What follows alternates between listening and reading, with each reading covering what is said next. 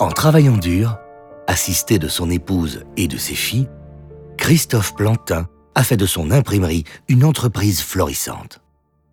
Martine, la seconde fille de Plantin, a épousé Yann Moretus, qui lui a succédé à la tête de l'entreprise.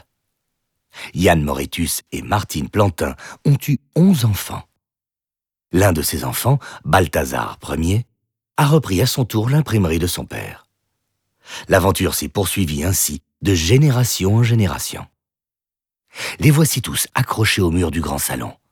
Neuf générations de cette belle famille, Plantin, Moretus. Belle, belle, certes, en ce qui nous concerne les générations plus récentes. L'argent est préférable à la pauvreté, ne serait-ce que pour des raisons financières. Les générations plus récentes de la famille d'imprimeurs avaient en effet amassé une petite fortune. Oh, oh, oh, oh, une solide fortune. Amasser une fortune Claquer une fortune, oui.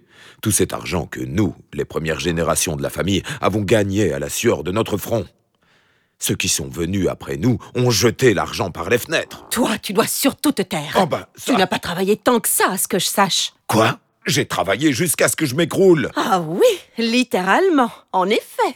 Tu es mort relativement jeune. Euh, Ce n'est tout de même pas ma faute. Non, je te le concède. Mais ce n'était pas marrant pour moi non plus. Car qui a dirigé l'imprimerie après toi Moi Ouais, c'est ça. Alors que monsieur batifolait avec les anges. Et toc Eh oui, les femmes ont joué un grand rôle dans le succès de l'imprimerie. Je vous remercie, monsieur.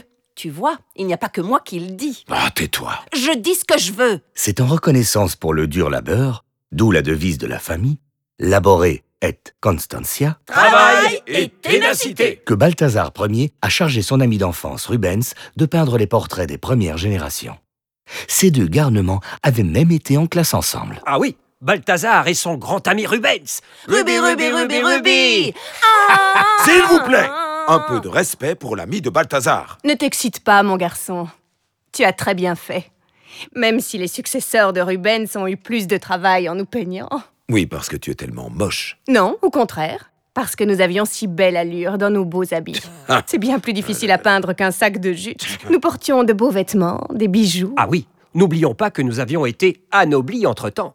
Quel honneur, n'est-ce pas, monsieur le petit imprimeur Oh, Retenez-moi ou je flanque une raclée à monsieur le gentilhomme. Ah oui Et tu comptes mobiliser qui Co- pour ça Comment oses-tu me traiter de petit Mais- mais imprimeur je vous en J'ai prie, créé mais ce ne le monde. retenez pas, mais Je bien, suis je t'attends. content. Tiens, Les liens Ah, familiaux chaleureux sont immortalisés ici dans cette galerie de portraits. Quoi, tu en veux une, c'est ça Admirez-les en toute quiétude, T'en ou veux une, hein essayez du moins, entre les disputes. Tiens, tiens.